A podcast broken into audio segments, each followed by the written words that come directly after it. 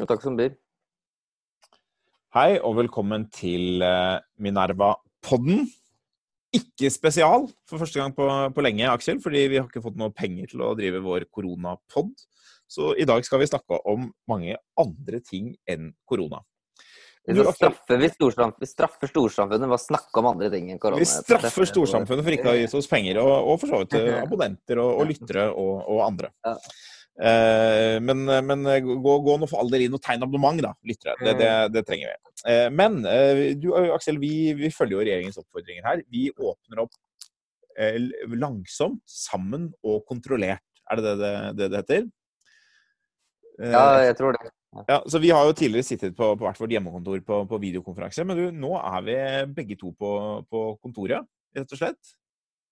Ja, i hvert fall ende av kontoret, da, heldigvis. Så ja. slipper, vi slipper jo å hilse på deg, men uh, ja. ja. Nå sitter vi på kontoret sammen, men på hvert vårt rom ved hver vår datamaskin, og har fortsatt videokonferanse. Og det er ikke først og fremst for å være superforsiktig med smittevern, men det er fordi vi har ikke klart å åpne kontoret så mye at vi har fått sånn eh, opptakerutstyr eh, tilbake på kontoret. Det står eh, stua vekk et annet sted. Så vi, vi fortsetter med våre videokonferanser. Men du ser strålende ut også på video, Aksel. La meg ha sagt det. Takk. Ja, men takk. Nå, skal vi snakke, nå, skal vi snakke, om noe annet som, som noen mener ser strålende ut, men som ikke alle er enig i at ser så strålende ut. Og det er Y-blokka. Som jeg har skrevet litt om. Ja. Men du kan jo begynne, Aksel. Syns du at den ser strålende ut, eller hva, hva tenker du om denne saken? Altså, jeg må jo si at jeg helt fra starten av denne diskusjonen begynte, har vært helt uinteressert i denne ja. blokken. Og det er jo det er to grunner til det. Det ene er at jeg syns det er et utrolig stygt bygg. Mm. Og det andre er at jeg er helt sikker på hva utfallet kommer til å bli. Og det at det vil bli revet.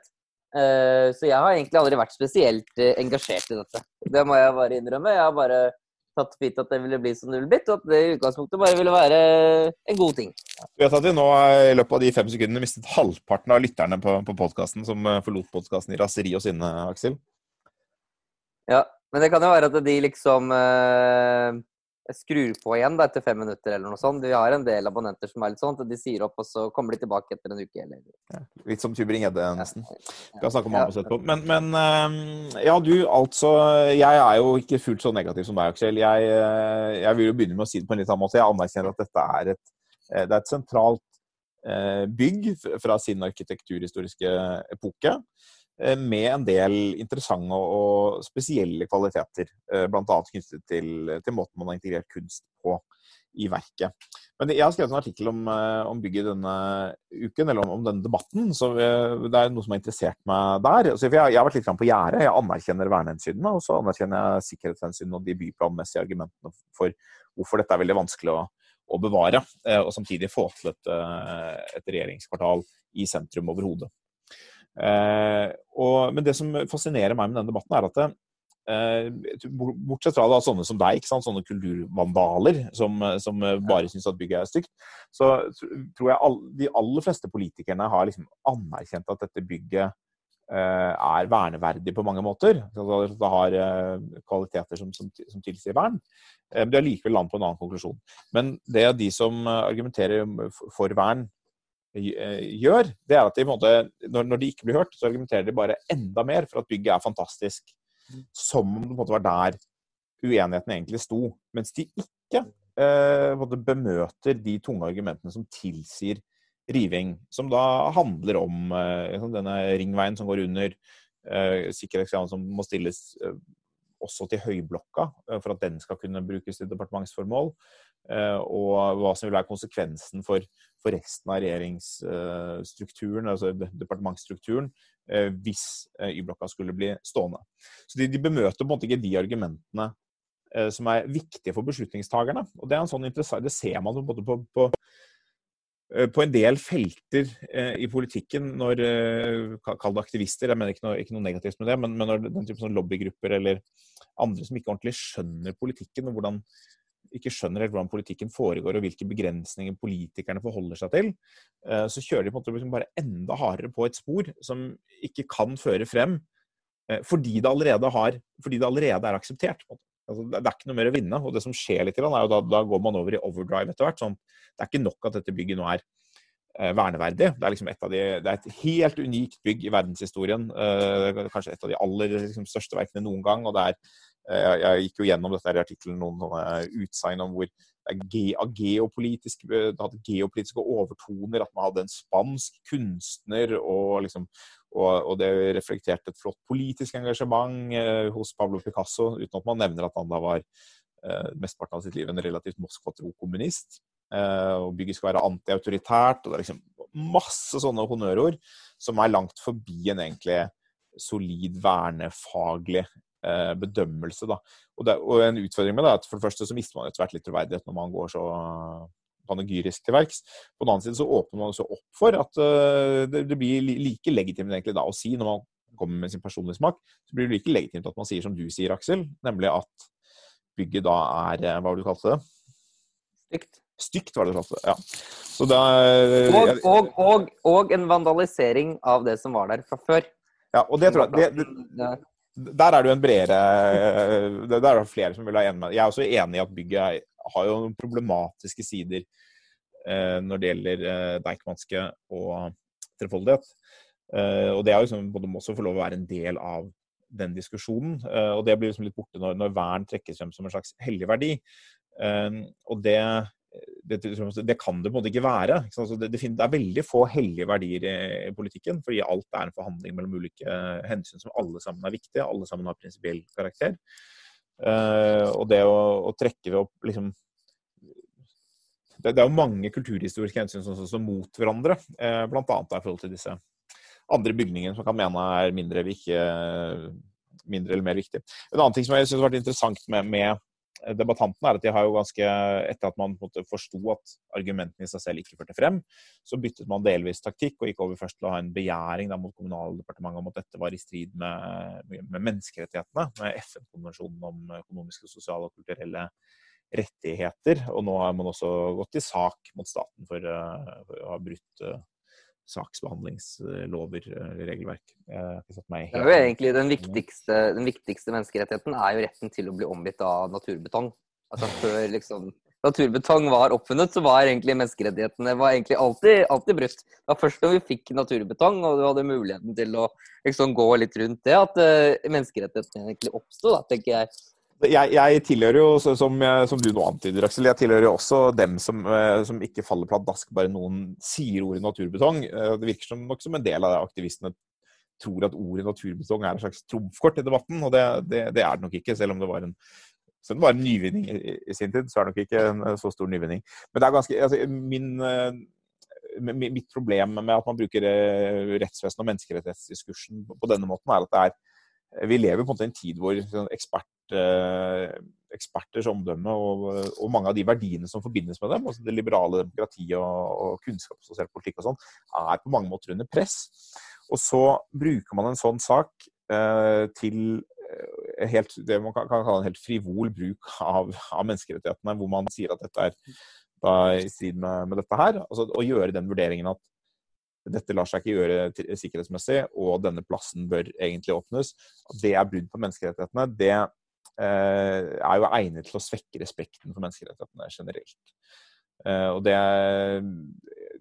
Jeg tror det hadde vært klokt om folk besinnet seg litt i denne debatten. Denne, min artikkel ble postet i går eh, av noen andre på en sånn vernegruppe hvor en tidligere statssekretær i Kulturdepartementet som støttet mitt syn, fikk gjennomgå ganske ganske hardt. Altså det er ganske harde fronter, og det er mye følelser uh, i spill. Jeg, jeg, jeg er i en viss forstand tilbøyelig til å akseptere dem, fordi de som har følelsene, er jo på en måte den, den tapende part, ser det ut som. Og en tapende part er, kan, kan, alltid ha mye følelser, men jeg tror ikke man alltid gjør sin egen sak veldig uh, Man tjener ikke alltid sin egen sak best på den måten. Jeg kan stille deg et kritisk spørsmål.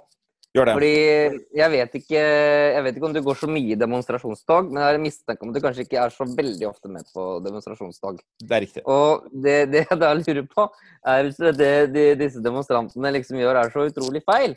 Altså, hva er det de egentlig eh, skulle ha gjort? Altså det, det, er jo litt vanskelig ja. å se for seg at den bygningen hadde blitt stående uansett, tenker jeg. Altså, ja, altså det, det, kan hende. og Innen vi kom til høsten 2019, så, så er det nok rimelig å si at uh, slaget var tapt. Og, og, det eneste som sto igjen, var sånne desperate virkemidler. Som, selv om det ikke kunne fungere. Jeg tror nok at på et tidligere tidspunkt, og gjennom store deler av, av debattens liv, så det som var utfordringen, var jo å, å bemøte de tunge argumentene for riving. Altså det vil si å faktisk finne og utarbeide eh, troverdige, gjennomførbare alternativer som ivaretok sikkerheten, eller å gjendrive eh, sikkerhetsargumentene. Eh, og, og, noen har, eh, har, holdt på med det. Eh, altså, det vil jo da f.eks. være å si at denne tunnel, ringveien må ikke senkes på denne måten, eller bygget kan bli stående selv om man senker. Og, og sånn er det man skal gjøre det. Og så løfte den debatten opp på nasjonalt nivå. Og det man ser veldig tydelig, er at Eh, de, de, de måtte fått, fått en sånn politisk diskusjon om det. Eventuelt foreslått at man rett og slett la regjeringskvartalet et annet sted. ikke sant? Eh, men, men da hadde man Hva sa du? Vi kunne jo overbevist sånne som meg. Kunne jo for eksempel, vi kunne blitt overbevist av sånne kostnadsargumenter, f.eks. Altså, jeg er f.eks. veldig for vern av trær på Nordstrand. Ikke fordi jeg er så opptatt av trær, men hvis de er vernet, så kan du ikke fortette. Ikke sant? Det er jo mm. også sånn du hvis du bare liksom får uh, Y-blokka vernet sånn, så blir det ikke noe nytt regjeringskvartal. For de av oss som ikke tenker at det er så fornuftig å ja. Bruke mange milliarder på det, så kan jo det også være fint. Ja. Altså, jeg tror nok at Noe av utfordringen er at de, de, fleste har stoppet opp ved, ved at man ønsker å få den vernet, og så har man ikke tenkt ordentlig hva som da skal skje. Eller man har ikke tenkt om det er politisk realistisk, eller hva som faktisk vil skje. For utfordringen til politikerne er at uh, de, de, er nødt til å ha et troverdig og helhetlig alternativ å legge i stedene. Og aktivistene kan godt ha 100 forskjellige alternativer i sine hoder, for de er bare enige om å stoppe rivingen av Y-blokka.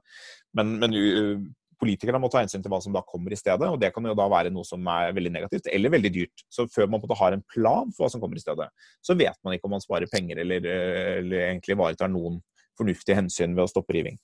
Men, eh, men det, det, kan jo finnes alternativer, men de måtte vært løftet frem av seriøse grupper. Og de hadde definitivt trengt eh, en First House-type konsulent som kunne fortalt hvordan de skulle jobbe, mhm. jobbe med dette her, istedenfor å liksom, bare gå ned det sporet med Carl Nesjar og Picasso og, og verdenshistorisk eh, kunst.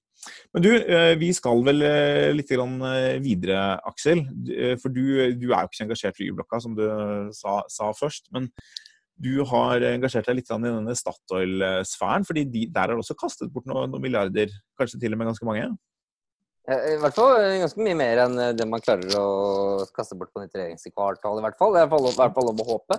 Eh, nå er jo ikke dette en, en, veldig ny sak, egentlig, men det er jo nå aktualisert for at Dagens Næringsliv har skrevet en, en, en ny reportasje om eh, disse store utenlandstapene til Statoil. Men det har jo egentlig vært Eller nå heter det Equinor, eh, dessverre, holdt jeg på å si. Men mm. eh, eh, det er jo nå da eh, utløst det er liksom en, ny debatt da om, om eh, hvor, hvor, godt dette er Altså i hvilken grad dette er et sunt drevet selskap. Og det tror jeg, selv om det er en stund siden disse tapene falt sted, så tror jeg det er, liksom er en, en, fornuftig diskusjon å ha.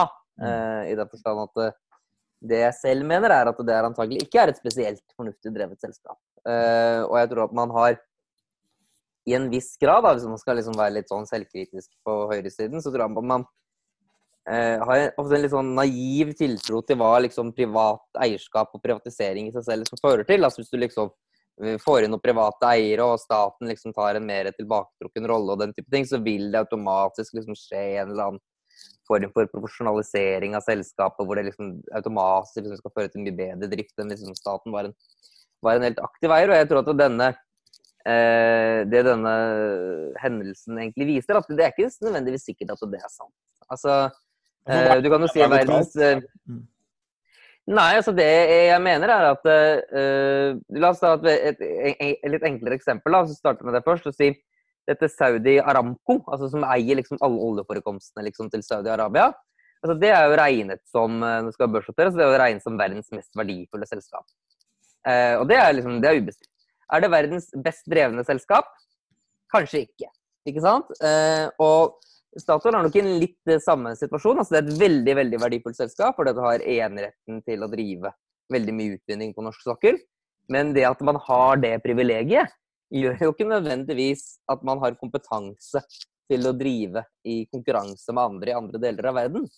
Og det som har skjedd her, er at man har, fordi at man er et rikt selskap, tror at man kan gjøre veldig mange ting som man egentlig kanskje ikke er spesielt flink til. Eh, og derved tar veldig veldig stor risiko og egentlig sløser bort med fellesskapet sine verdier. Jeg har jo en uh, mørk fortid Aksel, i, i, privat næringsliv. Uh, enda mer privat enn en mediebransjen. Uh, jobbet med energipolitikk og, og også med norsk sokkel, og, og litt sånn med, spørsmål som berørte daværende Statoil. Jeg sier jo fortsatt Statoil. Eh, beklager det for våre lyttere som forventer at vi er oppdatert og sier Equinor. Men jeg vil bare si, altså, mine, min mor sa jo alltid Russland når hun mente Sovjetunionen, inntil Sovjetunionen til slutt kollapset. Eh, da begynte hun etter hvert, som det het Russland, så begynte hun da etter hvert å si Sovjetunionen. Og den type ting, Vi som er eldre, vi, du må leve med, med det, Aksel, at vi, vi henger fast ved, ved fortidens uh, uttale begreper. begreper akkurat, så lenge, altså akkurat, så lenge, som det er feil. Og så bytter vi til en ny feil etterpå. Men eh, nei, så jobbet jo litt med den type ting. Og det er klart at Statoil er et selskap som, som eh, De har ikke enerett på, på sokkelen, men de har, de har, en masse lisenser på sokkelen. Og Det er det som gir verdien, selvfølgelig. Men det er jo et selskap med mange kvaliteter på, på norsk sokkel. Så det har vært en del av dette systemet på norsk sokkel hvor de har vært viktig for teknologiutvikling Eh, i Norge. Både kompetanse innad i Statoil, men også bygge opp eh, teknologi i, i norsk leverandørklynge og subsea-klynge. Og Det er jo det er et selskap som, som har mer kompetanse på, på dyphavsdrilling osv. enn en, en, del andre. Men det er også et selskap som eh, den gangen i hvert fall var kjent for ikke å være så veldig effektivt. Uh, sånn som du antydet. Fordi det var ikke det var ikke et nødvendig konkurransefortrinn for dem på norsk sokkel i mesteparten av uh, eksistensen fra, fra, 1970 og, frem til ja, 2008, da, på den tiden jeg holdt på med det. Så, så jeg tror ikke det er mye Jeg, jeg, tror liksom, det er, jeg tror ikke det er helt rimelig å sammenligne Statoil og, og Aramco, eh, men, men eh, Nei, det var ikke Det var bare for, å, for at, at, du er rik, betyr ikke at du er flink, liksom. Det... Nei, det er du er rik og du, du, trenger ikke at du er flink. Og det man da liksom har litt lett for å glemme, hva er det norsk, er det norsk sokkel hva er det som gjør status Statoil så verdifullt? Det er at man, man er på, på, norsk sokkel, hvor vi har godtatt at uh, verdien i norsk sokkel det ligger jo i statens direkte eierandel uh, og i utbytte fra selskapene. Så staten aksepterer at disse selskapene tjener gode penger uh, og får veldig mye penger ut av det. Og, lønns, og, og, Grunnen til at vi opprettet Statoil, var liksom et verktøy for å for Vi kunne jo bare hatt konkurranse på sokkelen for å fått lavest mulig transaksjonskostnader, men vi ønsket også å bevare en del av kostnadene da, ved å ta opp oljen i mm. eh, Norge. Og Statoil var et verktøy for å få til det. Så en del av kostnadene ved å utvinne sokkelen gikk til norske eh, leverandører eh, og, og, bygget opp kompetanse i Statoil. Men ingen av de, ingen av de, de tingene er noen spesiell Uh, gir noe spesielt konkurransefortrinn i mange andre utviklede markeder. Noen steder kan det gjøre det, der hvor det er lignende dypvannsvilkår og sånn. Men f.eks. i USA så er det jo ikke åpenbart hva som skulle være Statoils konkurransefortrinn. Da måtte man være dyktigere enn de andre for å gjøre det veldig bra. For Statoil får jo ikke noe grunnrente eller noen magiske penger eh, liksom ut derfra. Og Det er det som man nå har bommet på. Jeg tror En av grunnene til at det ble skjult, øh, det kan du kanskje si noe mer om, Axel, men det er at man, man, gikk jo ut i verden på et tidspunkt hvor oljeprisen var i full fart oppover. Eller en del av denne ekspansjonen skjedde da. Eh, da Statoil ble, ble delprivatisert eh, rundt år 2000, så var oljeprisen på det laveste. Det var kanskje i 99, så var den vel nede så den var vel nede under 10 dollar i, i, i løpende dollar, eh, så vidt. Den lå på sånn 12 dollar omtrent på den tiden. Og så føyk den i været opp til 150 dollar fatet. Så ble det litt knekk på oljekrisen med, med, med finanskrisen, og så gikk den opp igjen og var høy, godt over 100 dollar. Og det var rammevilkårene for at Statoil gikk ut i verden, og alle dumme beslutninger eh, ble skjult ved at selskapet ble mer verdt. Og det er jo på den tiden hvor Helge Lund eh, liksom var eh, igangsatte veldig mye av det som siden er blitt ekstremt kostbart. da.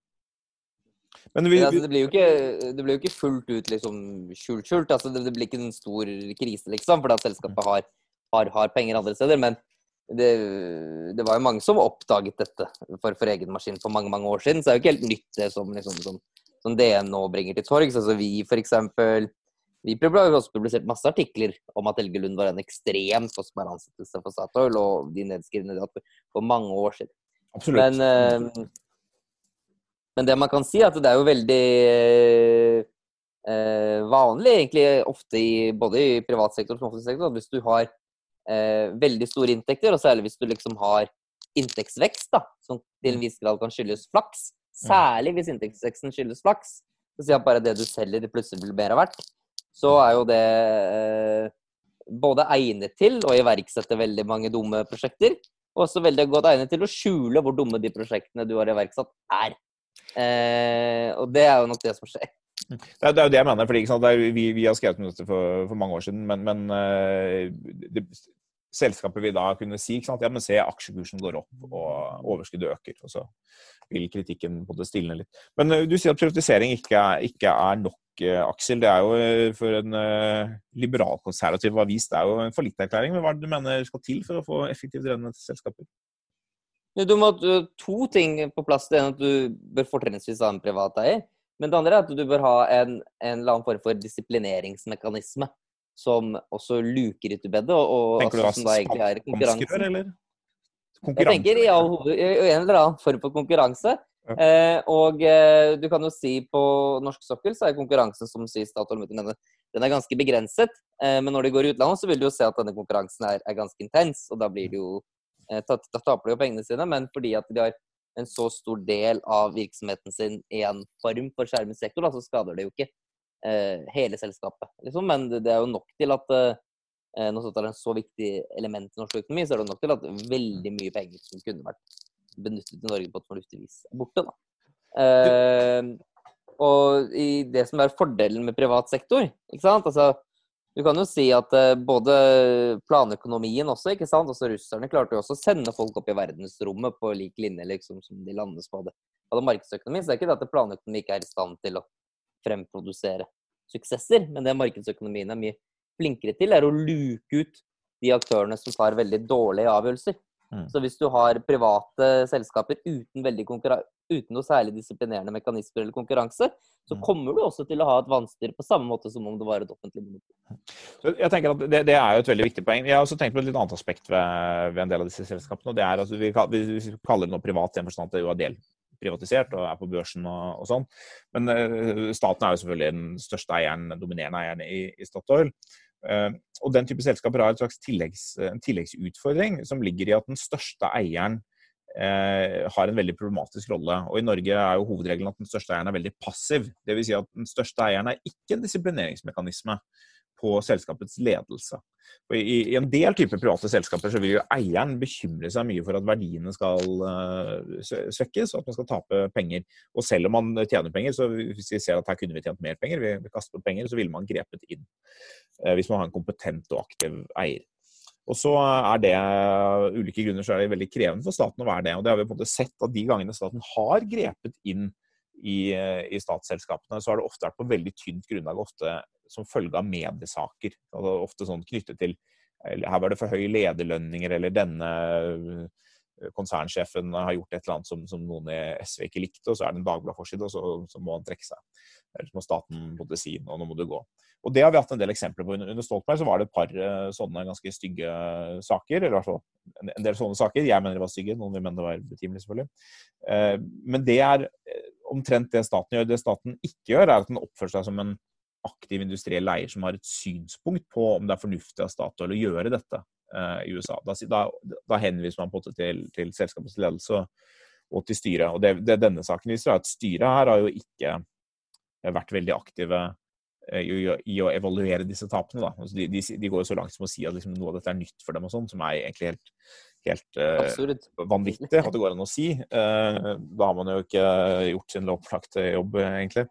Men, men uh, det er en krevende situasjon for disse selskapene at de ikke har en, og ikke kan ha egentlig en aktiv og god industriell eier. Jeg tror, jeg tror, ikke staten ville gjort noe bedre om den prøvde å spille en sånn rolle. Mm. Samtidig så forblir det et problem når den ikke er det. Og I en del tilfeller så går det bra når rammevilkårene ellers er, eh, er gode. Eh, og, men i noen tilfeller, som vi ser her, så, så, går det ikke bra. Når selskapet da blander sammen sin eh, grunnrenteposisjon, egentlig, på norsk sokkel eh, med eh, å prøve å være helt cutting edge på konkurransefronten i andre land, og ikke får det til. Et selskap som har lykkes mye bedre, har jo vært Telenor. Som er utsatt for mye høyere konkurranse, også, mm. også innenlands. Selv om, selv om den har hatt en dominerende posisjon, så, så, har Telenor etter hvert blitt utsatt for veldig streng konkurranse også inne. Og den har gått ut i markeder der den i en viss forstand har hatt noen konkurransefortrinn, kanskje i form av norsk eh, utenrikspolitikk eller andre forhold. Altså Bangladesh og, og, Myanmar og noen andre land hvor den har gjort det veldig, gjort veldig bra. Men de er da i en helt annen posisjon på hjemmebane enn det Statoil var, og det tror jeg er noe Statoil, Equinor, ikke tok ordentlig på alvor. Men du, det var mye om, var mye om Equinor, Aksel. Jeg tror vi skal gå videre, rett og slett. Hva, hva er neste post på programmet? Ja, Da må jeg ta etter hukommelsen. Er det ikke noe, Pleier vi ikke å ha litt om korona? Vi pleier å ha litt om korona. Ja, ja. ja det er koselig. Ja, men jeg må gjøre leserne og lytterne oppmerksom på at dette er på ingen måte en koronapodkast, fordi det fikk vi ikke støtte til. Så vi snakker litt om korona likevel, men ikke, ikke, ikke begå den feilen at dere dermed tror dette er en koronapodkast, for det, det, er det ikke. Hva er det vi skal si om korona i dag? Nei, vi skal snakke litt om uh, antistofftester, vel. Ja. Uh, og uh, de, For det er det jo blitt gjort nå flere studier med, både i New York og Spania og litt i Sverige, og også et norsk studie har gjennomført. Mm. Uh, så uh, Og hva de egentlig kan fortelle oss om, om sykdommen, da. Er det godt nytt? Uh, nei, jeg vil vel egentlig ikke si Det er ikke så veldig dårlig nytt heller, men eh, det kommer litt an på hva, hva man i utgangspunktet tror, da. Mm. men det disse funnene fra Spania, det er jo eh, de her har de jo funnet antistoffer hos vel 5% av befolkningen. Og det vil jo da tilsi at eh, sykdommen, hvis det er riktig, da, så virkelig representerer hvor stor andel av befolkningen som har hatt eh, sykdommen, så vil jo det måtte tilsi at dødeligheten der har vært på over 1 da. Ja, som, er, mm. som er høyere enn det veldig mange har trodd. Mm. Så har man jo også noen funn fra New York, som vel antyder at det er noe lavere. Eh, og igjen også noe fra, fra, Sverige som tilsier at det er, det er noe lavere. Nå husker jeg ikke både disse New York-tallene og Sverige-tallene. Ja. Altså Disse New York-tallene er jo også måte, høyere enn eh, en man kunne ønsket seg. for sånn. De er under én, men det, det, er ikke så godt å si helt presist. Men det kan kanskje se ut derfra som det er sånn 0,7-0,8, eller litt høyere enn 0,8 kanskje, som er ganske høyt. Eh, det er klart at det, kommer helt an på hva man tror. fordi eh, jeg tror mange av oss som har drevet mye med dette her, vi har jo tatt utgangspunkt i den WHO-uttalelsen allerede i februar om at man antok at dødeligheten lå mellom 0,3% og 1% Det er et ganske stort uh, slingringsmonn der, og, det har i hovedsak vært konsistent med de funnene som har kommet siden. Det er klart, I debatten ellers så har jo noen blandet dødeligheten sammen med case fatality rate, altså hvor mange Eh, som er døde eh, relativt til hvor mange bekreftede tilfeller man har. Og Det, det tallet har jo ligget eh, alt mellom 3% og 10% Og de tallene har jo vært i mediene, og noen har liksom trodd at 5% dør. da. Og Denne Blykjer-legen på Debatten som snakket om 150 000 døde i Norge, som ville være, være mer der oppe. da. dramatisk, helt, kan du si. Ja, dramatisk, men også helt spinnvilt, og ikke, ikke i kontakt med, med empirien på feltet. Eh, men eh, hvis det nå er, viser seg at du har eh, en del land hvor dette ligger rundt én eller over én, så er det relativt dramatisk relativt til det vi har trodd i Norge, hvor vi har nok har konsensus har vært, og FHI nok har trodd også, at vi, at vi ligger et, et stykke under 0,5 kanskje ned mot 0,3. har vel liksom vært Jeg tror det er 0,3 som er FHI sine Det er det som ligger, anslag. ligger i det, det, et av de anslagene. Eh, så kan det godt hende at det er forskjeller mellom land. Det er viktig å huske på. Det er mange grunner til at det kan være forskjeller mellom land. Spania er et av landene som har vært veldig hardt rammet. Det betyr bl.a. at det har vært ganske kaotisk på, på en del sykehus og en del eldrehjem. Eh, I tillegg så har Spania en gammel befolkning og pleier å være relativt hardt rammet av influensaepidemier, altså ganske høy dødelighet også under influensaepidemier sammenlignet med andre land. Så jeg tror det er all mulig grunn til å tro at Norge vil ligge lavere enn dette. Samtidig som det er, eh, når, vi, når det er de to landene da, som har de største og beste antistoffstudiene, eller ikke Spania og New York, som ikke er et land, men allikevel, um, har så høye tall, så er det jo på en måte grunn til å i hvert fall ikke være for skråsikker på at tallet er lavt. Og jeg synes Det er litt interessant å følge den debatten da, f.eks. i Sverige, hvor, hvor man har noen man har noen antistoffstudier, men de er ikke fullt ut representative. Det er litt usikkert hva, akkurat hva de sier. Eh, men der har man hatt noen antistoffstudier som har, som har pekt retning av opp mot 20% smittede i Stockholm. Som vil gi en, en vesentlig lavere dødelighet da, på Nå husker jeg ikke tallet, men uh, under 0,5, tror jeg. I hvert fall godt under 0,5. Ja. Og, eh, men utfordringen her er at det, det kan være galt. Altså det, og i lys av disse andre studiene fra Spania og, New York, så er det kanskje liksom mer sannsynlig enn før, da, i eh, fravær av andre holdepunkter, at dette tallet ikke er helt riktig, og at dødeligheten faktisk kan være høyere. Eh, og da ser man jo på en måte at debatten om disse tallene er allerede veldig politisert. Sånn de som har støttet en veldig, veldig harde tiltak, de spiller på en måte opp hund uh, som tyder på høy dødelighet og høy innleggelsesrate på sykehusene. Fordi det ville jo i en viss forstand Eh, kan man få for. Eh, ja, validere da deres liksom, konklusjon. Det kan vi jo si, Aksel, at vi, vi, har, vi, har, jo støttet norske tilnærminger, så vi er jo ikke helt uhildet, selvfølgelig. Men, men, men du må være bevisst på det. Det er også sånne som også har støttet tiltakene. at Det er jo ikke sånn at én studie fra Spania nødvendigvis validerer dette, men, men, det blir fristende å trekke det frem. Men motsatt av på andre siden, så må man si at svenske helsemyndigheter har jo på en måte vært vært veldig opptatt av egentlig å prøve å liksom blåse opp mer enn det liksom, som det er nøkternt faglig grunnlag for. og det, Mange av disse tallene er jo ikke, liksom, ikke fagfellevurdert, og det er, det er, tvil og det er forskjellige sånne ting. Men man blåser opp at det er så mange som er smittet, fordi det vil jo det vil liksom validere en strategi der man sier at ok, vi lar dette gå gjennom befolkningen, og, og, og mm. helsevesenet håndterer det, og det blir ikke så mange døde. Mm. Så vet vi ikke ennå, altså Sannheten er jo at vi vet ikke ennå akkurat, uh, akkurat hvordan det er. Eh, vi får hele tiden mer data, men vi vet ikke ennå liksom, hva som er dødeligheten. For eksempel, og hvor, hvor kommer Sverige til å ende opp? Det er, et interessant spørsmål. Nå er det 3500 drøyte døde. Ender man opp med 4500? Ender man opp med 10 000? Ender man opp med 20 000? Det kommer selvfølgelig an på hvor, hvor stor andel av befolkningen som, som blir smittet uh, også. Men man ser jo i Sverige at man har begynt å gå litt bort fra denne tanken om uh, flokkimmunitet. En av grunnene til det er at man eller som har ikke gått helt bort fra det, men man har i hvert fall justert kommunikasjonen og sier at man aldri egentlig vært opptatt av flokkimmunitet. Og En av grunnene er at også i Sverige så, så har jo smittetallene gått ned. sånn at ikke, Man vil ikke få flokkimmunitet. I hvert fall i mesteparten av Sverige vil man ikke få noe flokkimmunitet i denne bølgen. Eh, det må eventuelt vente til, til senere. Så det, liksom, det, det, kan være litt krevende å kommunisere det til befolkningen, som da har kanskje trodd at de har tatt liksom, denne ganske store bølgen med døde Eh, som et slags bytte da, mot at snart vil man være ferdig med det, og snart vil Sverige, i motsetning til alle andre land, eh, være nærmest immune mot denne sykdommen fordi man har flokkimmunitet. Det, og det vil ikke nødvendigvis være tilfellet. Og det, det, er også som kan være litt krevende kommunikasjonsjobb uh, i Sverige. Det kommer jo litt an på hva du forventer at flokkimmuniteten også skal, skal oppnå, da. Ja, ja. Ikke sant? For du kan jo uh, Det skal nok kanskje ikke så veldig mye flokkimmunitet til før du liksom får eh, potensialet for å få en veldig bratt smittetopp liksom er borte. Ja. Så hvis du har 20-30 flokkimmunitet fra før av, så skal det jo ganske mye til for at du liksom plutselig er 50% av befolkningen blitt syk på en gang. Allerede det vil du liksom ha forhindret.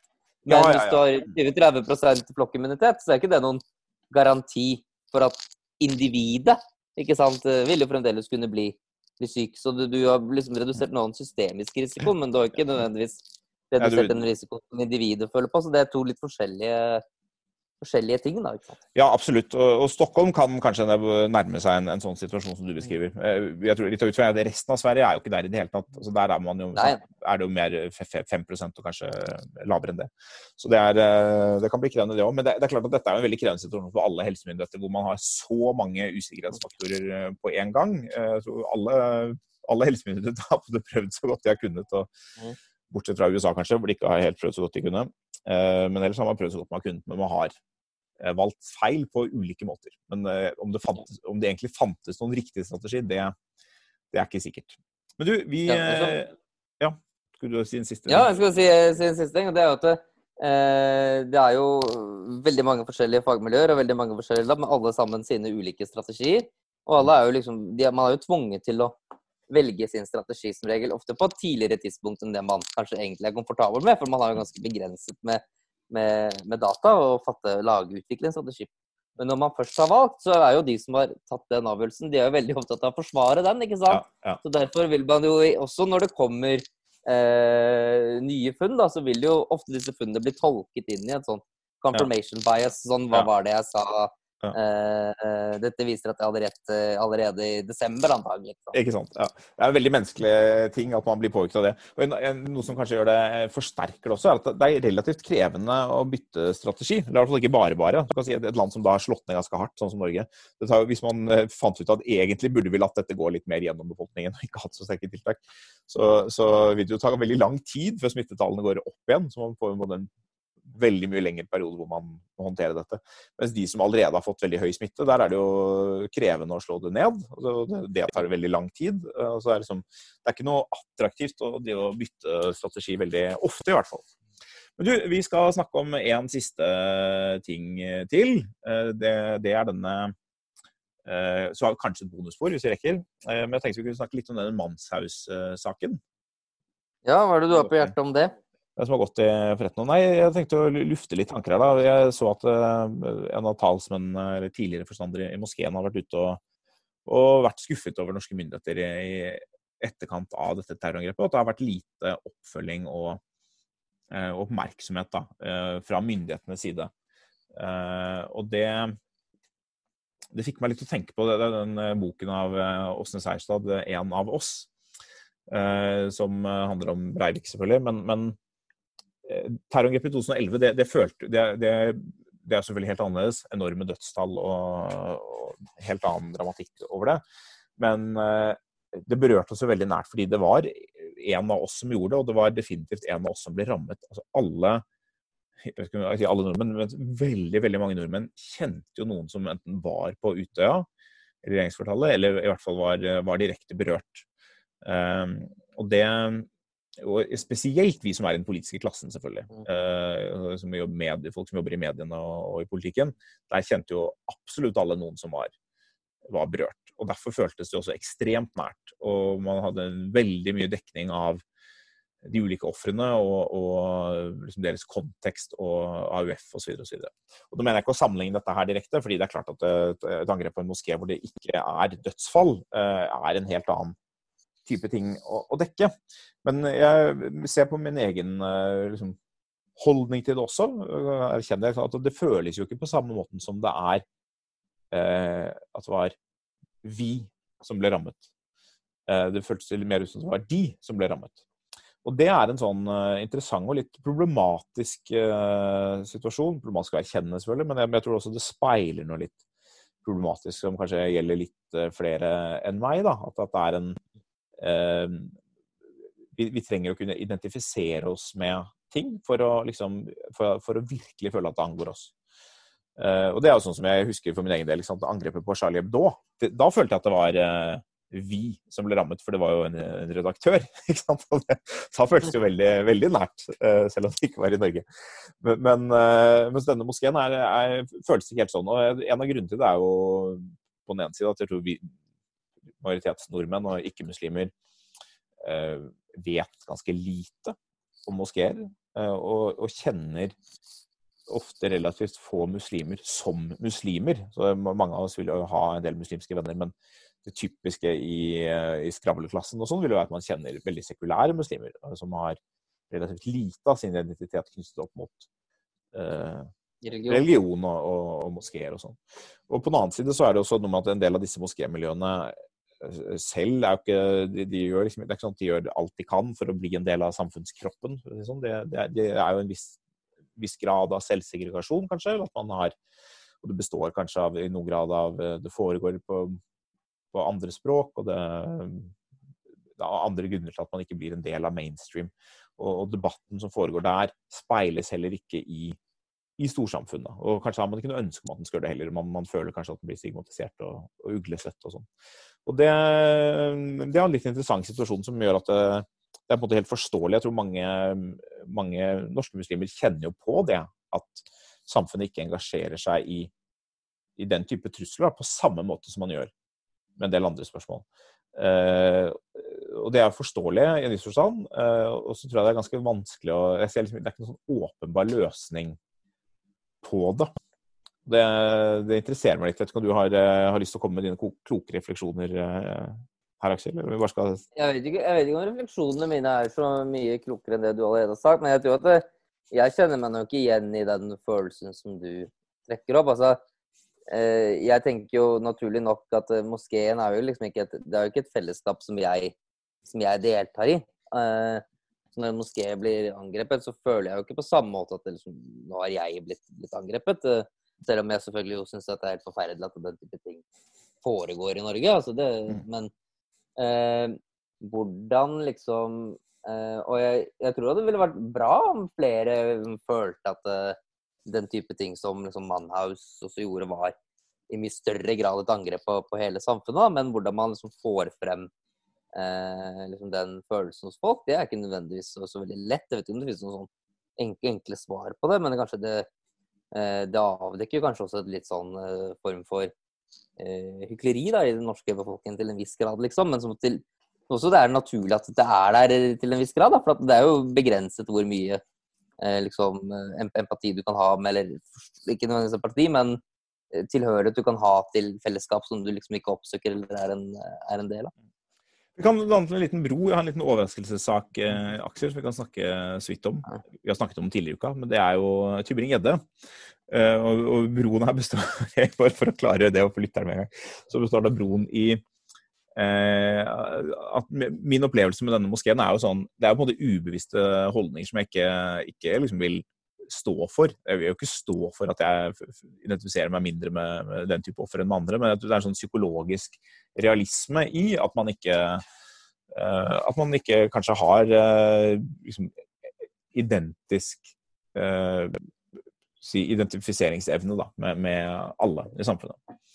Uh, og det, det, bringer jo så da til Tybring-Gjedde, som uh, av utenriksminister uh, Ine Eriksen Søreide ble anklaget for, eller hun antydet i hvert fall, at han hadde en litt annen tilnærming til innvandrere enn kanskje Ine selv har. Og da stormet han ut av stortingssalen. Det er ganske oppsiktsvekkende. Jeg vet ikke om det har skjedd noen gang tidligere. Jeg kan fortsatt ikke huske det. Eh, og Så kom han tilbake og sa at dette var så grusomt, eh, og så gikk han, gikk han igjen. Han ba, om at utenriksministeren ikke skulle svare eh, ham, men bare lytte til følelsen hans.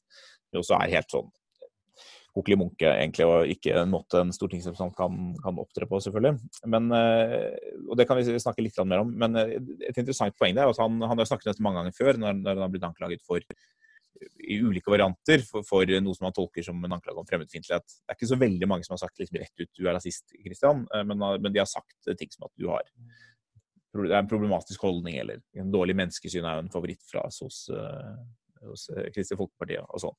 Og da blir han ekstremt uh, indignert uh, og sier liksom tanken om at jeg ikke skulle ha perfekte holdninger overfor for innvandrere er, den er så fjern for ham at uh, liksom han, han, klarer ikke å skjønne hvordan noen kan komme på den tanken. Det er klart at Alle som ikke er helt enige med Tybring-Gjedde i, i innvandringsspørsmål, vil jo skjønne hvordan folk kan komme på tanken om at Tybring-Gjedde er fremmedfiendtlig, siden han snakker veldig mye negativt om innvandring. Uh, og mye negativt om islam og mye negativt om innvandreres kultur. Uh, men det er klart at det er ikke noe grunn til å tro at han går rundt og liksom misliker individuelle innvandrere, eller at han mener at de er mindre verdt, eller noe sånt. Og det kan være at det er det han legger i det. Men, men øh, jeg tenker også den, den, den Manshaus-saken, eller min tanke om den, den viser også av og til at det er, det er ikke alltid vi er oss liksom helt bevisst våre fulle beveggrunner for hva vi føler, eller hvilken, hvilken tilnærming eller hvilke holdninger vi har. da. Det ligger, sånn, det ligger til noen sånne implisitte, subtile ting som styrer litt hva vi vektlegger hvilke emosjoner vi får i møte med, med mennesker, eller med, med utsagn og holdninger, som kanskje også kan gjelde, gjelde Tybring-Gjedde. Ja. Uh, hva tenkte du konkret? Det var et veldig langt, lang spørsmål. Det var ikke et spørsmål. Det var, det var ikke et spørsmål. Jeg skal være ærlig at det ikke var et spørsmål. Men jeg tenkte vi kan si en annen ting. Altså, det er mange som tenker at Frp her er sånn, de driver sånn, dette er taktisk. ikke sant? Nå spiller Tybring-Gjedde på at uh, mange velgere der ute føler at de ofte stemples som rasister. Uh, og nå skal han identifisere seg med dem og, og spille opp til en debatt om det. Men du, ikke, du tror ikke at dette er taktisk fra ham, gjør du det? Nei, jeg tror ikke at Tyri Tybring-Gjedde er noen sånn stor politisk taktiker. Jeg tror at han er veldig følelsesstyrt, og at han, han blir oppriktig eh, veldig, veldig lei seg da. hvis noen liksom antyder at han har litt eh, eh rasistiske holdninger. Eller så blir han veldig, veldig, veldig, veldig lei seg. Og det som er eh, jo så synd for Christian Tybring-Gjedde, at samtidig som han er, blir veldig lei seg for det, da, så er han jo eh, også en av Norges fremste på å oppsøke de situasjonene der hvor det potensielt sett den type kritikk eh, kan, kan, fremkomme. da. Mm. Eh, og det gjør han jo eh, til å være litt, litt uh, Det gjør han jo litt uh, Det gjør, skaper en veldig vanskelig situasjon for han som person. da. Altså Hvis du mm. sammenligner med, med Carl I. Hagen, da, som jo ofte også liksom kom i eh, Uttalte seg på en måte som mange ville oppfattet som fremmedfiendtlig og ble, fikk en den type kritikk. Så Carl tror jeg nok, altså i hvert fall sånn som jeg liksom har kjent han, han det er ikke sånn at han aldri kunne liksom bli lei seg, men for det meste så var det slik at den kritikken den børstet han, liksom, han helt fint av seg. da, Og det var egentlig bare litt gøy å bli kritisert. Da fikk vi liksom mer oppmerksomhet rundt det synspunktet og mange avisforsider og sånn. Men Kristian Trygve tror jeg blir, opprik, han blir oppriktig lei seg. Eh, og eh, det er, tror jeg er et uh, problem for han. Eh, og det, jeg tror at det også eh, Ja.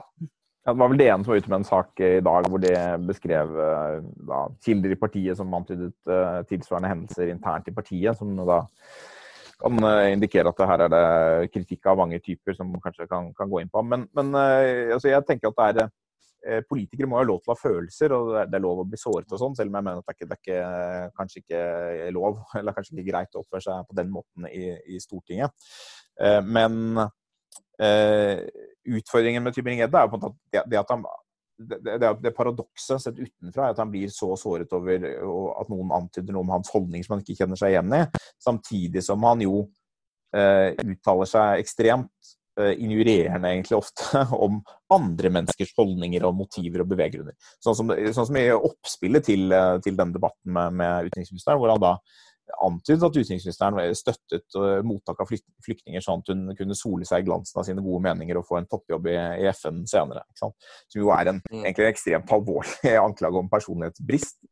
Eh, ja, og, og, og, åpenbart en spekulasjon i andres, eh, i andres, holdninger det ikke er noe grunnlag for å mene. Ja, ikke sant? Ikke sant? Ja. Som de selvfølgelig ikke kjenner seg igjen i. Så det er liksom det er en sånn asymmetri. Og jeg tilhører jo dem som i en viss forstand mener at det, det er Altså, man bør ikke spekulere på, på liksom, så tynt grunnlag, men det er jo legitimt å ha en debatt om eh, liksom, er en del av motivasjonen vår for å hjelpe flyktninger eh, liksom, at vi selv vil føle oss gode, og er vi sikre på at det er en rasjonell politikk osv. Det er en debatt vi må tåle å ha, på linje med at vi må tåle å ha en debatt om om vi kan ha problematiske holdninger eh, overfor innvandrere som former vårt syn på dem og politikken og sånn. Men, men, eh, for Kristian Tybring-Gjedde så virker det som om Eh, når han kommer med den type ting, så er det liksom bare fakta. Så det er ikke egentlig en, ikke egentlig en fornærmelse. Det er et, et, et, modig faktum som han bringer frem, som har vært undertrykket, mens eh, det andre liksom er, er, personangrep. Og Det skaper jo en helt sånn umulig debattsituasjon, for det er klart at det, norske politikere aksepterer jo ikke, aksepterer jo ikke det, og tar til motmelde, sånn som utenriksministeren gjorde. Og da, da fikk man den, den situasjonen som man fikk der. Du Aksel, jeg lurer på om vi eh, er i ferd med å nærme oss slutten på denne podkasten. Ja, jeg begynner å bli sliten nå. Ja. Har, vi noe, har vi noe siste budskap til, til velgerne, til, til, leserne der ute? Kjøp abonnement, vi nærme. Ja, du vil si det så. Du orket, hvis du har orket å høre på alt dette her, da er du garantert i målgruppen. Ja, da er du faktisk i målgruppen. Det tror jeg, tror jeg er helt riktig. Så da er det bare å gå inn på minervanett.no årsabonnement, kanskje det aller lureste, bare 699. Hvis du er av den typen som ikke klarer å forplikte deg til noe som helst her i verden, eh, så er månedsabonnement et alternativ. Takk for oss. Adjø.